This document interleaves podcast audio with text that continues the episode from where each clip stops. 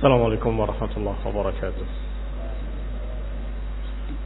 إن الحمد لله نحمده ونستعينه ونستغفره ونعوذ بالله من شرور أنفسنا ومن سيئات أعمالنا. من يهده الله فلا مضل له ومن يضلل فلا هادي له. وأشهد أن لا إله إلا الله وحده لا شريك له وأشهد أن محمدا عبده ورسوله صلى الله عليه وعلى آله وأصحابه والتابعين وتابع التابعين ومن تبعهم بإحسان إلى يوم الدين. يا أيها الذين آمنوا اتقوا الله حق تقاته ولا تموتن إلا وأنتم مسلمون. يا أيها الناس اتقوا ربكم الذي خلقكم من نفس واحدة وخلق منها زوجها وبث منهما رجالا كثيرا ونساء واتقوا الله الذي تساءلون به والأرحام إن الله كان عليكم رقيبا يا أيها الذين آمنوا اتقوا الله وقولوا قولا سديدا يصلح لكم أعمالكم ويغفر لكم ذنوبكم ومن يطع الله ورسوله فقد فاز فوزا عظيما أما بعد فإن خير الحديث كتاب الله وخير الهدي هدي محمد صلى الله عليه وعلى آله وسلم.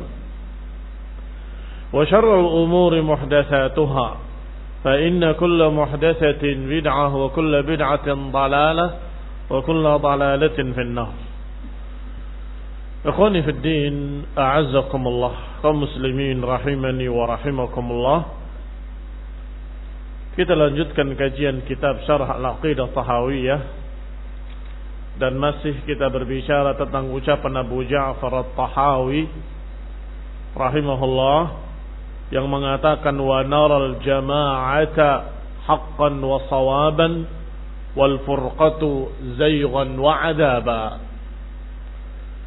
Kami yakni ahlu sunnah wal jamaah melihat kami melihat ahlu sunnah wal jamaah melihat bahwa kebersamaan di dalam satu jamaah adalah kebenaran. Haqqan wa sawaban. Sedangkan sebaliknya al-furqah perpecahan pertikaian perselisihan adalah zaygan wa adaban itu adalah penyimpangan dan azab. Sehingga barakallahu fikum tidak benar yang dikatakan bahwa perpecahan itu rahmat. Tidak ada. Bahkan hadis dalam hal tersebut hadis yang la asalahu. Nggak ada asalnya. Lebih parah dari sekedar dhaif. Justru yang sebaliknya ada dalam hadis-hadis sahih. Yaitu al-jama'atul rahmah wal furqatu adab. Al-jama'ah kebersamaan itu rahmat.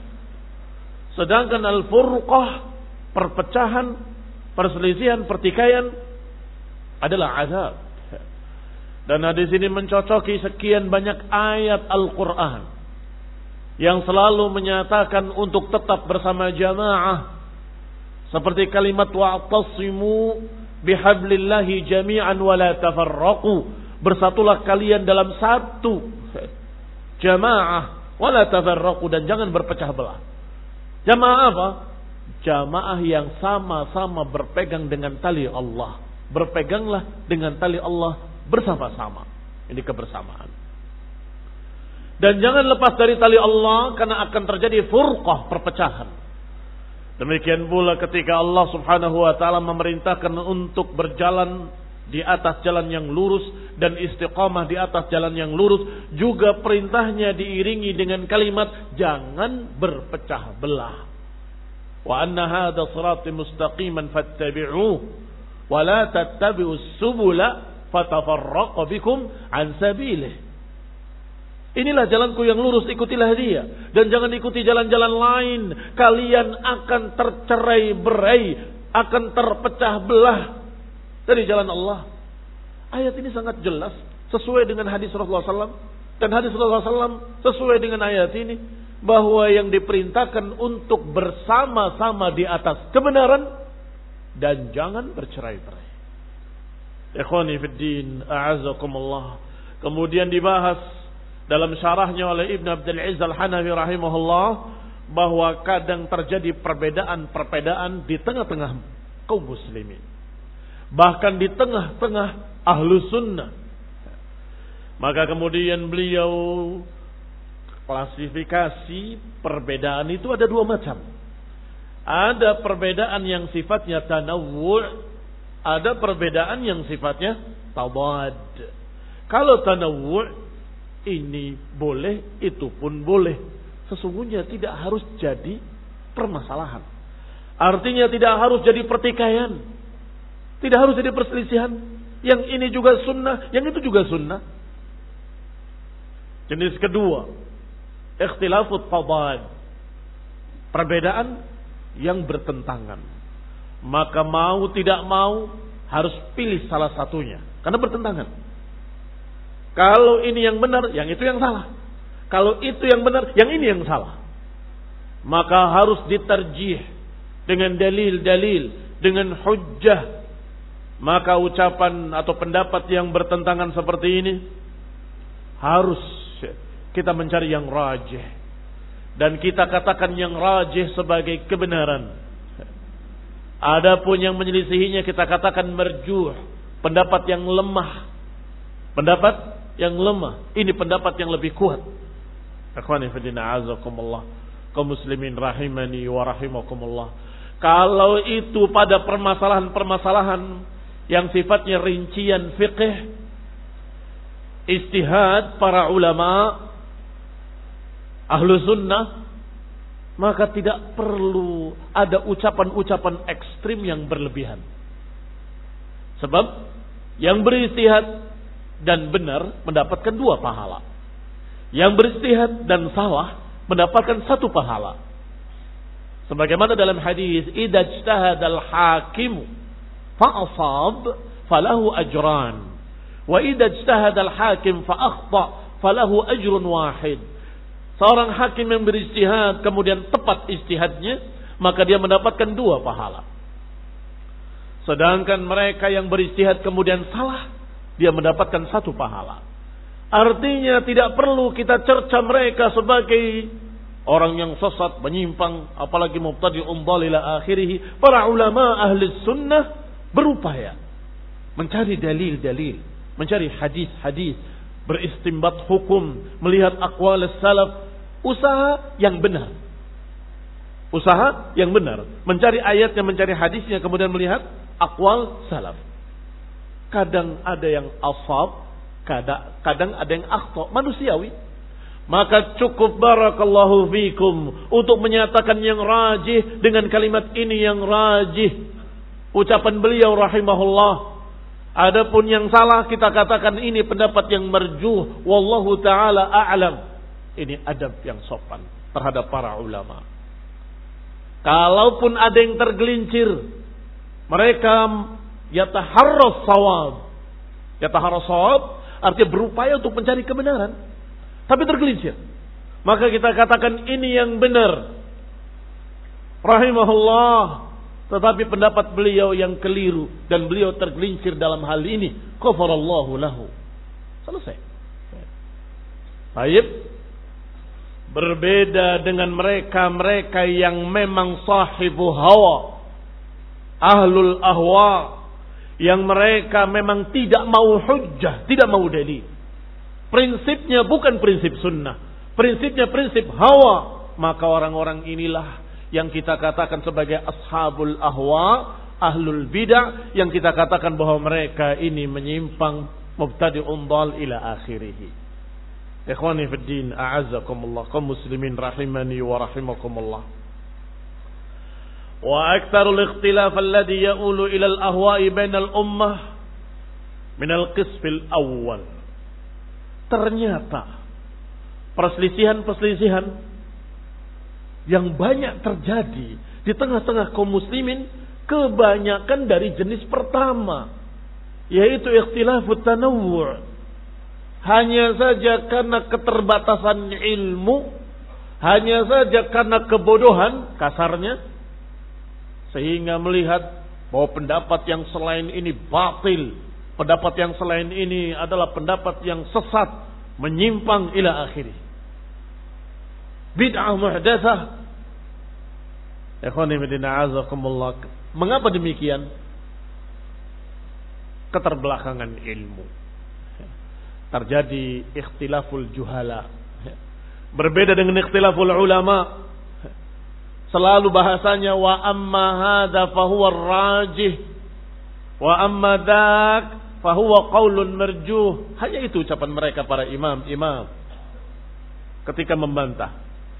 Saudaranya sesama ulama ucapan beliau ucapan yang merju. Adapun yang rajih adalah demikian demikian. Tetapi mereka-mereka yang tidak memiliki ilmu sering kebablasan. Sering berlebihan. Berkata Syekh Ibn Abdul Aziz Al-Hanafi rahimahullah.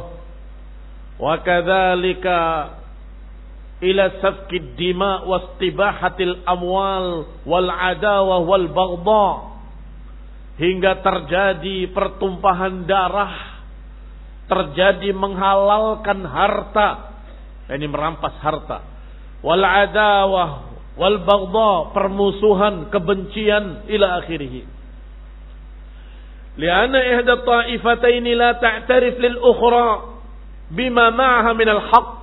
Karena sebagian terhadap yang lain tidak mau mengakui adanya kebenaran pada pihak lain yang ini membawa hadis dibawakan syarahnya dari akwal. Ulama salaf.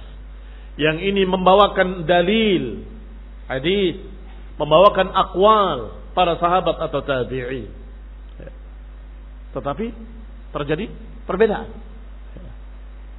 Ikhwani fillah azakumullah. Adapun mereka-mereka yang terbelakang ilmunya dan taklid, ta'assub dengan yang ini, yang satu, maka dia tidak mengakui kebenaran apa yang ada pada mereka. Apa maksudnya kebenaran? Mereka benar memakai hadis dan mereka benar mencari ulama salaf. Mereka benar berupaya dengan istihad yang syar'i. Bukankah itu kebenaran? Seharusnya sebagaimana ucapan Ibnu Jubair rahimahullah ad ahsana Man intaha ila masami' telah bagus orang yang berpegang dengan apa yang dia dengar dari hadis, masya Allah. Tetapi aku mendengar hadis yang lebih sahih. Karena dia tahu nggak bertentangan hadis yang ini dengan hadis yang itu. Ini bawa hadis, ini bawa hadis, ini bawa akwalus salaf, ini bawa akwalus salaf. Ternyata hanya berbicara ini boleh, betul memang boleh, tapi sebaiknya ini yang lebih baik. Ingat ucapan Nabi Zubair tadi dari masalah apa? Masalah ruqyah. Mengapa kamu pakai rukyah? Apa kamu punya dalil? Dia jawab, "Na'am." Haddatsani Sya'bi, menyampaikan kepadaku Sya'bi an fulan bahwasanya Rasulullah SAW menyatakan la ruqyata illa min ainin aw huma. Enggak ada ruqyah yang lebih mujarab melainkan untuk ain penyakit yang disebabkan mata dan penyakit yang disebabkan binatang yang berbisa. Disengat kala jengking atau digigit ular yang berbisa ini rukyah manjur di sana. Maka saya pakai rukyah. Apa jawab beliau? Qad ahsana. Manintaha ila ma Telah bagus orang yang berpegang dengan apa yang dia dengar. Ini hadis yang sahih. Bagus. Tetapi aku mendengar Rasulullah SAW bersabda, disebutkan sanadnya, bahwa Rasulullah SAW menyatakan bahwa 70 ribu orang yang masuk surga tanpa hisab, tanpa adab, adalah di antaranya orang yang tidak meminta dirukyah. Bagus. Tetapi kalau engkau tidak meminta dirukyah, itu lebih bagus. Lihat ikhwan ibn Adab mereka dalam berbeda pendapat. Walhamdulillah. Tidak seperti mereka-mereka. Golongan ekstrim. Yaitu pengikut Haddadi. Hanya perbedaan masalah istiad ulama dikatakan qaulun batil. Qaulun syad. La yakuluhu illa al-jahil. Ucapan batil, ucapan syad. Tidak mengucapkannya kecuali orang bodoh. Ternyata pendapat itu pendapat Ibnu Abbas di antaranya. Pendapat sahabat. Termasuk pendapat ulama Imam Al-Albani. Kebablasan. Kenapa harus seperti itu kata-katanya? Ikhwani fi din, a'azzakumullah kaum muslimin rahimani wa rahimakumullah. Alhamdulillah tidak sampai terjadi pertikaian yang menumpahkan darah. Kata Ibn Abdul Aziz Al-Hanafi rahimahullah, karena satu golongan dengan golongan yang lain tidak mengakui kebenaran yang ada pada golongan lain, akhirnya terjadilah pertikaian yang dahsyat.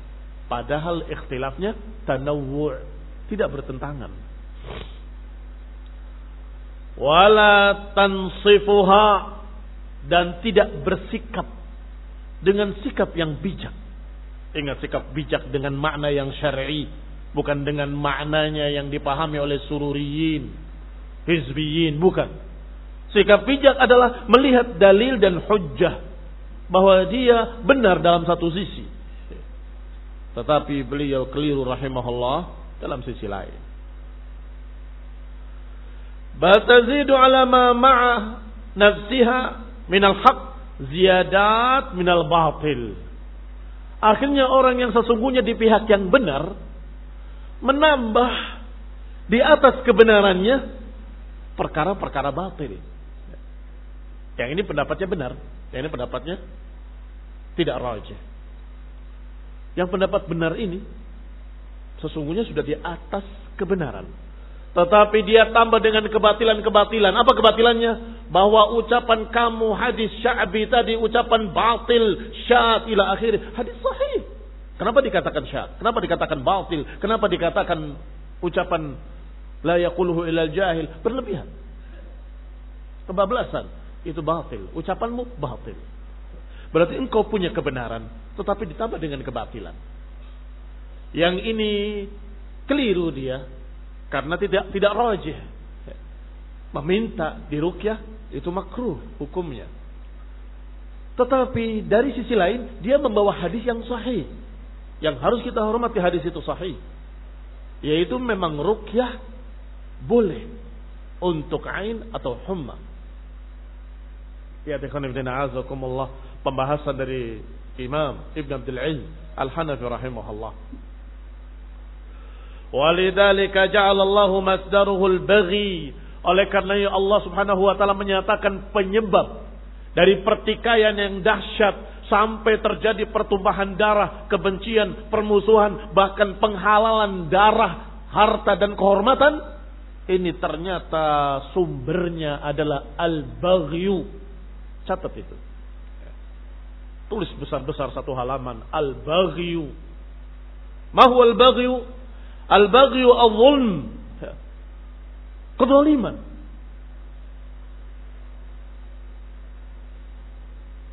Apa kata Allah dalam Al-Quran?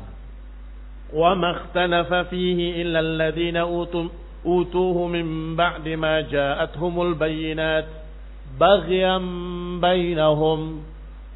Mereka berselisih. Maksudnya Yahudi dan Israel, Ahlul Kitab mereka berselisih atau tidaklah mereka berselisih kecuali setelah datang kepada mereka al-bayyinat, keterangan-keterangan yang jelas. Kenapa harus berselisih? Padahal ada keterangan yang jelas, ada hadis yang sahih, ada hadis yang rajih, ada hadis yang diriwayatkan oleh Bukhari, Muslim, bahkan mutawatir. Mengapa harus berselisih? Bukankah kalian semua muslimin yang mengaku bahwa kami akan mengikut sunnah? Ini sunnah. Ini qala Allah, ini kalau Rasul, kenapa harus bertikai?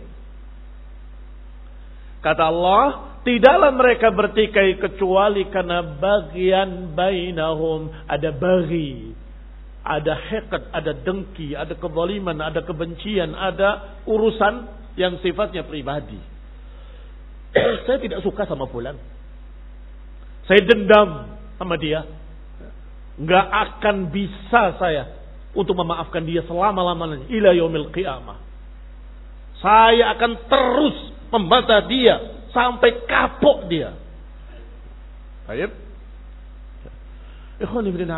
Kalau dia sudah mencabut ucapannya atau dia sudah kembali pada kebenaran, dia tidak peduli. Tidak peduli. Kenapa? Bagian bainahum karena ada bagi di antara mereka. Apa bagi? Makna definisinya melampaui batas berlebihan kebablasan. Kata Ibn Abdul Al-Hanafi rahimahullah, "Li'anna al-baghyu aw li'anna al-baghya mujawazatul hadd." Yang namanya al-baghi adalah melampaui batas. Enggak cukup dengan mengatakan marjuh. Ini pendapat yang marjuh. Itu pendapat yang lemah. Yang lebih kuat adalah pendapat demikian demikian. Kan selesai. Walhamdulillah bahasa yang bagus dan sopan karena ikhtilafnya tanawur. Kita belum membahas ikhtilaf tawad, apalagi ikhtilaf dengan ahlul bidah. Belum, belum kita bahas. Ini masih membahas tentang di kalangan ahlus sunnah di antara para ulama yang mereka masing-masing membawa dalil-dalil. Dan ternyata perbedaannya tanawur. Ini boleh, ini lebih baik. Seperti rukyah tadi. Boleh rukyah, tetapi meminta di rukyah jangan. Makruh. Tidak akan masuk dalam 70 ribu orang yang masuk jannah tanpa hisap, tanpa ada. Kenapa? Harus sampai terjadi pertikaian yang mengerikan dan dahsyat.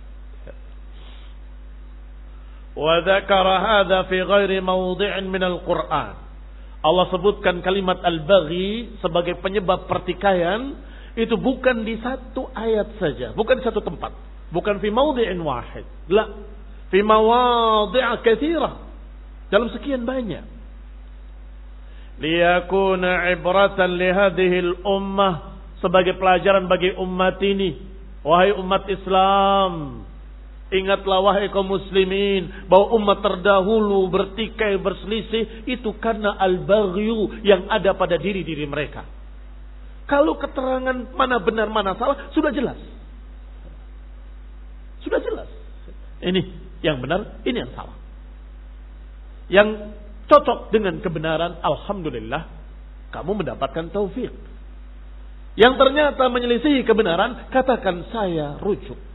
Astagfirullah, saya bertaubat pada Allah dan saya kembali kepada kebenaran. Selesai. Manusia tidak ada yang maksum.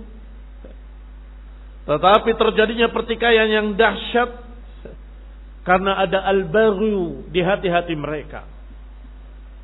Maka wahai kaum muslimin jangan mengikuti jejak Yahudi atau Nasrani. Jangan kalian ikuti jejaknya ahlul kitab yang mereka ikhtalafu min ba'di ma ja'atuhumul bayyinat. Limada? Bagian bainahum. Karena bagian bainahum. Wa qaribun min hadha yang semakna atau dekat dengan ini adalah apa yang dikeluarkan oleh Bukhari dan Muslim dalam dua kitab sahih mereka. Dari Abi Zanad, dari Al-A'raj, dari Abu Hurairah radhiyallahu taala anhu bahwa Rasulullah sallallahu alaihi wa ala alihi wasallam berkata, bersabda, "Zaruni ma taraktukum fa innama halaka man kana qablakum bikasrati su'alihim ikhtilafihim ala anbiya'ihim." Kata Nabi, biarkanlah aku dengan apa yang aku biarkan kalian. Biarkanlah aku dengan apa yang aku biarkan kalian. Maksudnya kalau Rasulullah SAW membiarkan kalian dalam satu perkara, sudah biarkan. Jangan dipaksa-paksa aku harus berbicara sesuatu. Biarkan. Berarti itu perkara yang mubah. Silahkan. Fa inna mahalaka man kana qablakum bi su'alihim. Karena binasanya orang-orang sebelum kalian adalah karena banyaknya pertanyaan, permintaan mereka dan perselisihan mereka terhadap nabi mereka.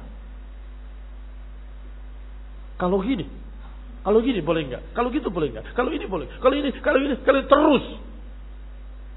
Kamu jangan memberat-beratkan dirimu dengan kalimat-kalimat yang seperti itu. La tas'alu an asya in tubdalakum tasukum.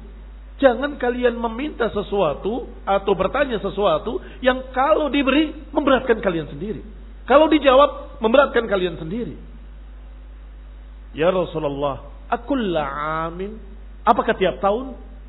Kata Nabi, kalau aku katakan iya, kalian nggak akan sanggup. Jangan bertanya sesuatu yang kalau aku jawab memberatkan kalian. Fa idza an syai'in fajtanibuh. Diakhiri hadisnya dengan kalimat yang merupakan kaidah pegangan ahli sunnah. Apa yang aku larang kalian daripadanya tinggalkanlah. Wa idza amartukum bi amrin dan kalau aku perintahkan sesuatu fa'tu minhu mastata'tum kerjakan sebisa-bisa kalian. Mudah agama ini. Kata Nabi, apa yang aku larang, tinggalkan. Apa yang aku perintahkan, kerjakan sebisa-bisanya. Sudah. Jangan kalian mempersulit diri kalian dengan berbagai macam pertanyaan-pertanyaan yang tidak perlu. Bagaimana kalau begini? Bagaimana kalau begitu? Bagaimana kalau begini? Bagaimana sampai berkata bagaimana kalau di langit salatnya? Bagaimana kalau di bulan? Bagaimana kalau kita apakah kita tiduran di bulan melihat ke bumi di atas salatnya? Macam-macam pertanyaan. Makanya Imam Ahmad rahimahullah ketika ada yang bertanya kalau kalau kalau dijawab oleh beliau, awaka apakah terjadi? Belum, hatta waqa. Enggak dijawab. Apakah terjadi? Orang itu menjawab, belum. Kalau gitu nanti saya jawabnya. Kalau terjadi. Kalau terjadi tanyakan lagi. Ikhwani azakumullah.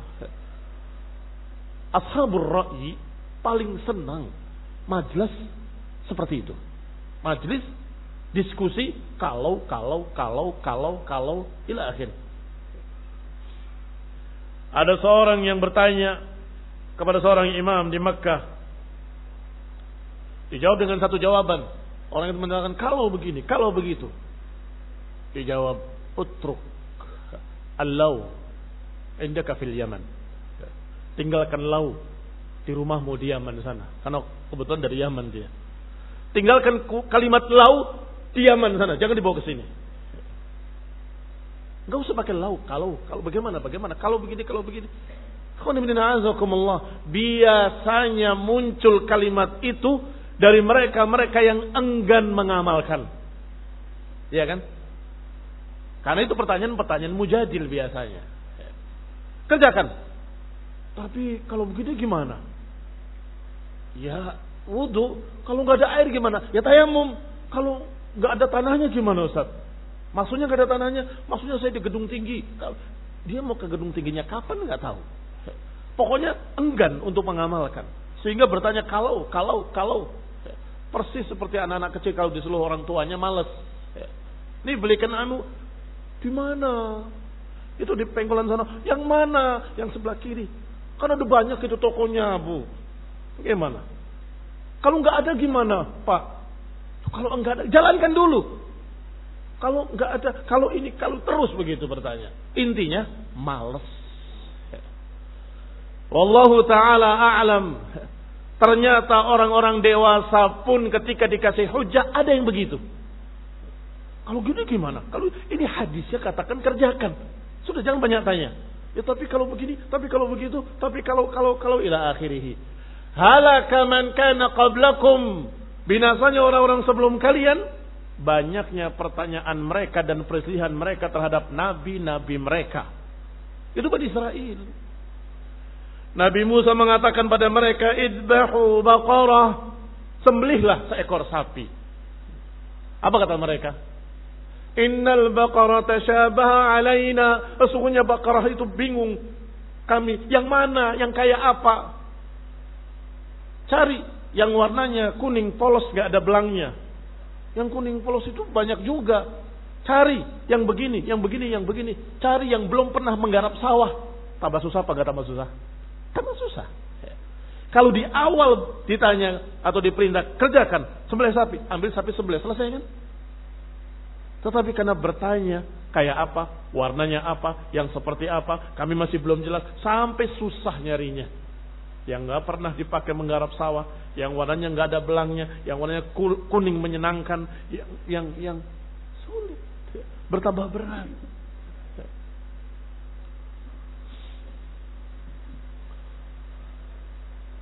Ma amartukum bihi fa'tu minhu mastata'tum. Apa yang aku perintahkan kerjakan sebisa-bisanya.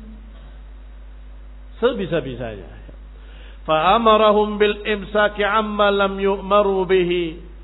Asyahid di dalam hadis ini yang dikeluarkan oleh Bukhari dan Muslim muttafaqun alaih adalah kalimat hendaklah kalian biarkan aku aku dengan apa yang aku tidak nyuruh kalian. Udah, kalau tidak nyuruh, jangan kalian tanya-tanya. Kerjakan apa yang kalian mau, tinggalkan apa yang kalian suka. Kalau dibebaskan, jangan banyak pertanyaan. Mu'allilan bi anda sabab halakil awwalin. Dengan alasan bahwa penyebab hancurnya orang-orang yang terdahulu karena kasratus soal, karena banyaknya pertanyaan-pertanyaan. Thumma ikhtilaf 'ala rusuli bil ma'siyah. Kemudian yang kedua, penyebab kebinasan mereka adalah banyaknya perselisihan mereka terhadap nabi mereka. Sudah mereka nanyanya rewel, setelah dijawab nggak dikerjakan. Sulit susah. Nah, tadi kenapa kalian minta sendiri kesusahan? Ikhwani a'azakumullah. Wa muslimin rahimani wa rahimakumullah. Maka apa yang diperintahkan, kerjakanlah sebisa-bisanya. Apa yang dilarang, tinggalkanlah. Dan apa yang dibiarkan, biarkan. Asyara biyadihi, au bi asbu'ihi Disebutkan dalam hadisnya membentuk 35. Ini tiga. Ini lima. Ya. Wa yuharrikuha. Menggerakkannya. Gerakannya gimana? Gini, apa gini, apa gini, apa gini? Ada yang nanya pada masyayikh kemarin. Jawabnya al-amru fihi wasi'. Apa maknanya al-amru fihi wasi'? Selama itu makna menggerakkan, ya gerakkan. Barakallahu fikum. Imam Ahmad rahimahullah saya menyatakan syaddid keraskan gerakannya. Ya. Itu membuat jengkel mereka para Yahudi dan lain-lain. Ikhwani bin kaum muslimin rahimani wa rahimakumullah. Yang lain berpendapat kalau kami melihatnya bahwa riwayat itu syad karena 12 rawi tidak menyebutkan wa yuharrikuha. Hanya satu rawi saja. Yuharrikuha. Menambahkan dengan kalimat wa yuharrikuha. Rawi itu thiqah atau tidak thiqah? Thiqah, tapi menyelisih 12 orang. Maka syad pendapatnya atau riwayatnya. Qadibina azakumullah qaulun min aqwalil ulama dari ucapan para ulama. Kamu lihat alasannya masing-masing. Kamu lihat mana yang raja. Kamu kerjakan. Selesai. Ikhwani fi din a'azakumullah kaum muslimin rahimani wa rahimakumullah. Qala thumma al-ikhtilaf fil kitab min alladhina yuqirruna bihi ala naw'ain. Kemudian perselisihan dalam Quran sekarang. Dalam kitab ada dua jenis. Pertama ikhtilaf fit tanzilih. Pertama perselisihan dalam penurunan Quran tersebut. Wasani ikhtilafi ta'wilih. Yang kedua dalam penafsirannya. Wakilahuma fihi imanun bi ba'd duna ba'd. Dan dalam dua bentuk perselisihan terhadap Al-Quran ini, dua-duanya mengandung perkara beriman pada sebagian, menolak sebagian yang lain. Artinya ini lebih dahsyat dari yang kemarin kita bahas. Fal awal ikhtilaf fi takallumillahi bil Quran. Pertama perbedaan pendapat tentang berbicaranya Allah Subhanahu wa taala dalam Quran. Fataifatun qalat sekelompok berkata hadal kalam hasala bi qudratihi wa masyiatihi. bahwa ucapan ini atau Quran ini adalah dari ucapan Allah dengan takdirnya dan dengan kehendaknya likaunihi makhluqan fi ghairihi lam yakum bihi karena ini adalah perkara yang diciptakan pada selain Allah Subhanahu wa taala yang tegak dengan sendirinya. Ini pendapat batil, sah? Ini pendapat pertama. Mengapa? Karena dikatakan ini kalam kalamullah. Tetapi maknanya kalam yang Allah takdirkan Allah ciptakan, Allah bentuk. Terjadilah kalam Allah. Wa ta'ifatun qalat golongan yang kedua berkata bal huwa sifatun lahu. Bahkan itu sifat Allah Subhanahu wa taala. Allah berbicara dengan kaifiahnya yang tidak sama dengan makhluk. Qaimun bidatihi. Bukan berdiri sendiri tetapi ada pada zatnya. Allah takallama idza syaa. Allah berbicara kalau Allah kehendaki. Lakinnahu la yatakallam bimasyiatihi wa qudratihi. Tetapi Allah bukan menciptakan dengan takdirnya. Wa kullu min at-ta'ifataini jama'at fi kalamihi ma haqqun wa batil. Perhatikan. Yang kedua dari satu sisi benar sifatullah tapi lihat kalimat terakhirnya lakinnahu la yatakallam bimasyiatihi tetapi dia tidak berbicara dengan kehendaknya Nah, terus dengan kehendak siapa? Berarti kalamu qadim katanya. Setelah itu tidak ada pembicaraan lagi. Berarti dua pendapat tadi ada hakun, ada batil. Tercampur antara keduanya. Yang pertama batil dari sisi Quran makhluk. Tetapi ada di sana ucapan bahwa Allah berbicara sekehendaknya. Yang kedua sebaliknya, Allah memiliki sifat kalam tetapi tidak berkait dengan kehendak. Loh, terus bagaimana? Amal dikatakan di akhirnya oleh beliau. Wa kala kalamuhuma baina haqqin wa batil ucapan mereka tercampur antara hak dengan batil. Fa'amanat bi ba'dil haq wa kadzabat bima taquluhu al-ukhra min al-haq berarti dia beriman dengan satu bagian yang hak dan dia kufur dengan sesuatu yang lain.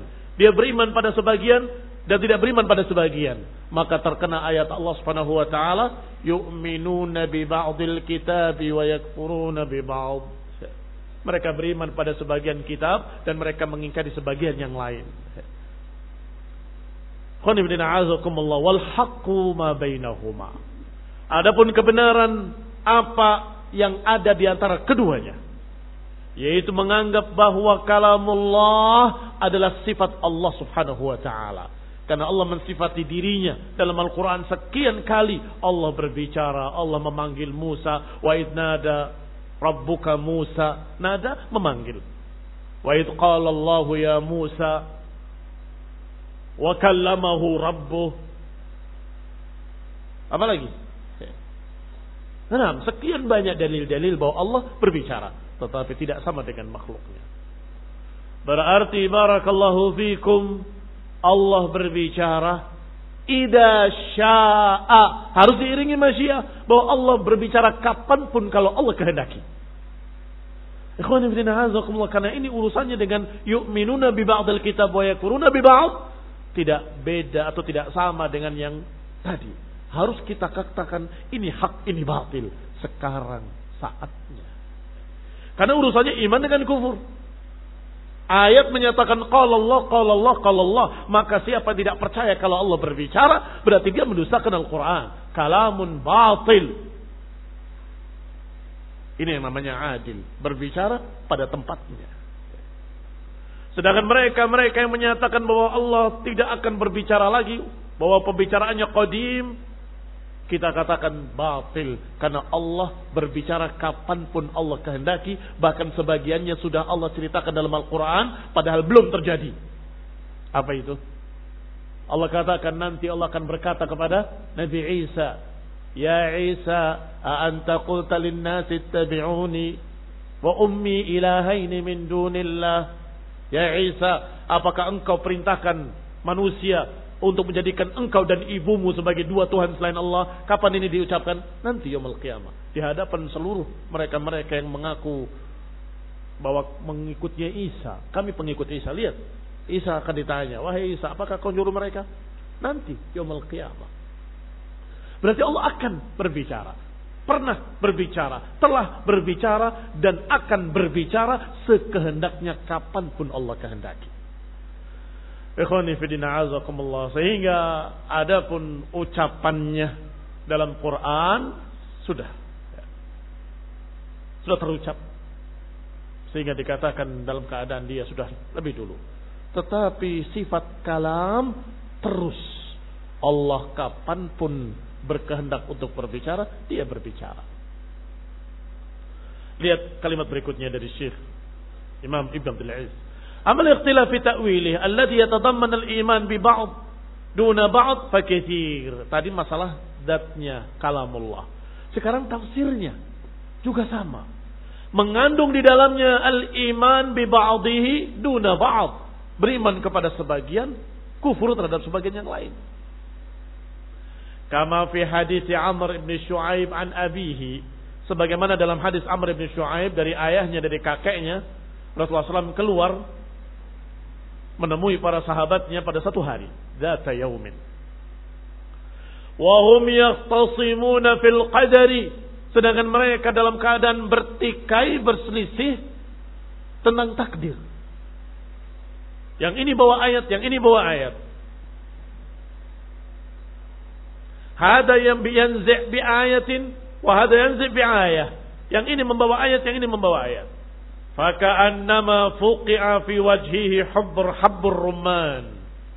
Seakan-akan di wajah Rasulullah SAW ya, muncul biji biji delima. Tahu biji delima? Pernah lihat ya, butiran-butiran delima ada merah-merahnya. Pipi Rasulullah SAW memerah seperti butiran delima. Sangat marahnya. Qala abi hadza umirtum. Apakah untuk ini kalian diperintah? Ambi hadza wukiltum. Apakah kalian diperintah untuk ini? Anta duribu kitab Allah bi ba'dahu ba'd. Ba'dahu bi ba'din. Apakah kalian disuruh untuk membenturkan ayat dengan ayat? Unduru ma amartum bihi fattabi'u. Lihat, apa yang disuruh dalam Al-Quran, kerjakan. Wa manahaitukum anhu fantahu. Dan apa yang aku larang, tinggalkan. Baik. Dalam ayat, uh, dalam hadis yang kedua, dalam satu riwayat, disebutkan ya kaum, bihada dallatil umam qablakum. Wahai kaum, inilah sebabnya umat terdahulu binasa. Ballat, sesat gara-gara ini. Biikhtilafihim ala anbiyaihim. Menyelisihi nabi-nabi mereka. Wa darbihimul kitab ba'dahu bi ba'd dan membenturkan ayat atau Al-Qur'an sebagian dengan sebagian yang lain. Wa innal qur'ana lam yanzil litadribu ba'dahu bi ba'd dan Al-Qur'an tidak diturunkan untuk kalian benturkan sebagian terhadap sebagian yang lain walakin nazal al-Qur'an yasduqu ba'dahu ba'dahu ba'dan Bahkan Al-Quran itu diturunkan saling membenarkan. Tidak bertentangan. Ma'araftum minhu fa'malu bih. Apa yang sudah kalian ketahui, apa yang ada dalamnya kerjakan. Wa ma tasyabaha fa'aminu bihi dan apa yang tersamar kalian percayai. Yang tersamar maknanya maksudnya belum tahu kaifiahnya. Lafadznya sudah pasti karena Quranan Arabian. La'allakum ta'qilun. Agar kalian paham. Kaifiahnya kita tidak tahu. Maka kata Nabi, percayai saja. Nanti akan terjadi begini. Kami beriman. Di hari kiamat akan ditimbang amalan. Kami percaya. Karena Quran yang bilang. Adapun kaifiahnya nggak perlu kalian perdebatkan. Mengapa? Nggak ada yang tahu kaifiahnya amal bentuknya kayak apa. Ditimbang caranya bagaimana? Sudahlah. Cukup. Aminu bihi. Berimanlah engkau dengan berita ini. Aman Nabi, cukup. Adapun rincian kaifiahnya kalau diberitakan alhamdulillah, kalau nggak diberitakan katakan saya tidak tahu. Allah tidak ngasih berita. Yang pasti ayat ini benar. Ikhwani fi din, a'azzakumullah kaum muslimin rahimani wa rahimakumullah. Fa innal umam qablakum lam yal'anu hatta lam yul'anu hatta ikhtalafu. Umat-umat terdahulu tidak dilaknat kecuali ketika mereka berselisih dan membenturkan ayat dengan ayat. Wa innal mira' fil Qur'ani kufrun Sesungguhnya perdebatan membenturkan Quran dengan Quran adalah kekafiran. Wah hadis masyhur. Hadis yang masyhur di dalam musnad, di dalam sunan dan lain-lainnya. Bahkan inti hadisnya ada dalam sahih Muslim. Dengan nomor hadis 2666. Min hadis Abdullah ibn Rabah al-Ansari. Bahwa Abdullah ibn Amr qala hajjar, hajjartu ila Nabi SAW. yaman fasmi aswat rajulain ikhtalafa fi ayatin. Fakharaja alaina. Ketika aku menemui Rasulullah SAW. Ini aku datangi Rasulullah SAW. Rasulullah SAW mendengar dua orang yang sedang bertikai. Dalam masalah ayat maka Rasulullah keluar menemui kami dan berkata, "Wa fi wajhihi al-ghadab." Di wajahnya ada kemarahan. Hadis yang tadi, wajahnya memerah seperti butiran delima. Sekarang yura fi wajhihi atau yu'raf fi wajhihi al-ghadab, di wajahnya terlihat kemarahan. Faqala inna ma halaka man kana qablakum biikhtilafihim fil kitab. Sesungguhnya binasanya orang-orang sebelum kalian adalah karena mereka berselisih dalam Al-Quran. Ikhwani fidina azakumullah. Wa jama ahlul bid'ah mukhtalifuna fi ta'wilih. Wa jami' Ini catatan pentingnya. Kasih garis atas, kasih stabilo, kotaki dengan kotak merah. Apa kata-katanya? Wa jami'u ahli bid'ah mukhtalifuna fi ta'wilih. Hampir seluruh ahlul bid'ah. Bahkan tidak ada kata hampir. Seluruh ahlul bid'ah. Seluruh ahlul bid'ah. Mereka menyelisihi, menyelisihi dalam tafsir Al-Quran. Khawarij. Salah dalam menafsirkan ayat-ayat Allah. Akhirnya mengkafir-kafirkan kaum muslimin. Murji'ah. Salah dalam memahami ayat-ayat rahmat. Akhirnya tidak menganggap penting amalan. Yang penting eling. Ingat Allah cukup. Apalagi yang lain. Syiah Rafidah. Bahkan dalam Quran mereka berselisihnya bukan hanya dalam tafsir. Mereka tambah satu surat, mereka kurangi satu surat. Mereka rubah ayat, mereka ganti. Jami' ahli bid'ah mukhtalifuna fi ta'wilihi. Mu'minuna bi ba'dihi duna ba'd. Mereka beriman dengan sebagian Quran dan mereka mengingkari sebagian yang lainnya. Yuqirruna bima yuwafiq ra'yahum. Mereka ambil yang mereka cocok. Mereka tolak yang mereka nggak cocok. Imma an yata'awwaluhu. Menolaknya. Imma an yata'awwaluhu bisa jadi dengan menakwilkan, menyeret maknanya kepada makna-makna lain. Takwilan, yuharrifuna fihil kalim, yang merubah-rubah kalimat dari tempat-tempatnya. Berarti takwilnya seperti tahrifnya Yahudi. Yuharrifuna al-kalima min ba'di mawadhi'i.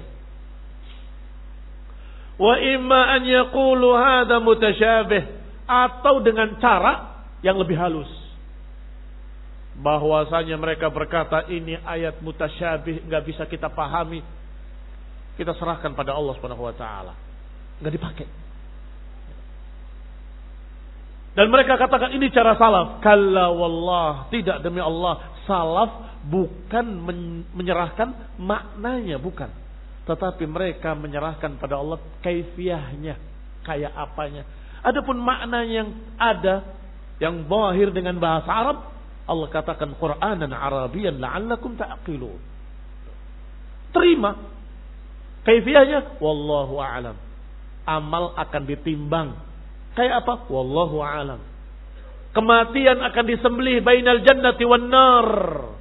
Kematian akan disembelih di antara surga dan neraka. Kematian kok bisa disembelih? Kamu jangan menolak berita dari Nabi SAW. Katakan kami beriman, kami percaya. Kayak apanya? Wallahu ta'ala a'lam. Itu salah. Tapi mereka ini ahlul bidah, ahlul ahwa yang dikatakan oleh Ibn Abdul Aziz Al-Hanafi rahimahullah, mereka justru berkata hada mutasyabih la ya'lam ahadun ma'nahu. Ayat ini ayat yang samar maknanya enggak diketahui oleh siapa pun. Jadi kalau Allah Ta'ala kata wa kata wa kata tidak tahu maknanya. Allahu alam. Lewat. Apakah mungkin Allah turunkan satu ayat yang tidak bisa dipahami oleh manusia? Apakah mungkin Allah turunkan satu ayat yang tidak terpakai? Oh ini nggak terpakai. Kenapa? Nggak bisa dipaham. Astagfirullah. Kalimat yang jelas warafa'na tur. Kami angkat bukit Tursina di atas kalian. Bukit Tursina di atas mereka. Bagaimana? Wallahu a'lam. Maknanya kita tidak tahu. Serahkan Allah saja. Jadi bagaimana itu? Udah kita tinggalkan. Kita lewat. Ya nggak mungkin. Kamu ucapkan seperti yang Allah ucapkan bahwa pernah Bani Israel diangkat perjanjian dengan diancam gunung di atasnya. Dan itu kekuasaan Allah Subhanahu wa taala. Rahimani wa rahimakumullah. Dan masih banyak lagi ayat-ayat yang seperti itu. Mohon maaf, saya lanjutkan sedikit sampai seperempat jam lewat. Karena tanggung. Habis ini habis. Masuk bab baru. Baik. Fayajhaduna ma anzalahu Allah. Akhirnya mereka menolak apa yang Allah turunkan. Ini nggak bisa dipaham. Ini nggak bisa dipaham. Ini nggak bisa dipaham. Serahkan Allah. Ini serahkan Allah. Lu diturunkan untuk kamu. Oh dikembalikan anda nggak mau, anda nggak paham. Kan kurang ajar pada Allah Subhanahu Wa Taala. Dan ini golongan mufawwidin mufawwid yang seperti ini. Intinya mereka menolak, tidak mau menerima. Karena iman bil lafaz bila makna huwa min jinsi imani ahli kitab. Karena kalau menerima lafadznya tapi menolak maknanya itu sejenis dengan ahlul kitab. Lihat Allah katakan tentang ahlul kitab, "Matsalul ladzina hummilu tawrata tsumma lam yahmiluha kamatsalil himari yahmilu asfara." Mereka-mereka yang membawa Taurat tapi mereka tidak mau mengamalkannya, itu seperti keledai yang membawa kitab-kitab di atasnya. Baik? Artinya dohirnya saja maknanya nggak mau diambil. Bahkan dohirnya pun tidak, lafadznya saja maknanya tidak tahu. Maknanya kayak? Maknanya tidak tahu, serahkan Allah, saya nggak tahu. Atau ayat lain minhum ummiyuna la ya'lamuna alkitab illa amani. Di antara mereka ada ummiyun yang tidak mengenali kitab kecuali angan-angan saja. Tidak mau menerima makna-maknanya. Ini jenis mereka. Maka ingat ucapan hadis tadi, apa yang kalian dapat di dalam Quran berupa perintah kerjakan. Kalau berupa larangan tinggalkan. Kalau berupa berita imani bahwa ini berita dari Allah. Walaupun mungkin kita belum tahu kaifiahnya seperti apa. Wallahu taala a'lam. Yang pasti ayat ini benar. Bahwa amalan soleh akan ditimbang. Bahwasanya Bukit Tursina pernah diangkat di atas Bani Israel. Bahwasanya pernah terjadi banjir Nabi Nuh yang menenggelamkan seluruh manusia kecuali yang ada di perahu. muslimin rahimani wa rahimakumullah. Ini adalah manhaj pegangan kaum muslimin seluruhnya. Apa kata Allah, apa kata Rasul, kerjakan. Apa yang dilarang Allah, apa yang dilarang Allah, Rasul, tinggalkan. Apa yang diberitakan oleh Allah dan Rasulnya, katakan aman nabihi kullun min indi rabbina. Kami percaya kalau seluruhnya dari Allah subhanahu wa ta'ala. Wassalamualaikum warahmatullahi.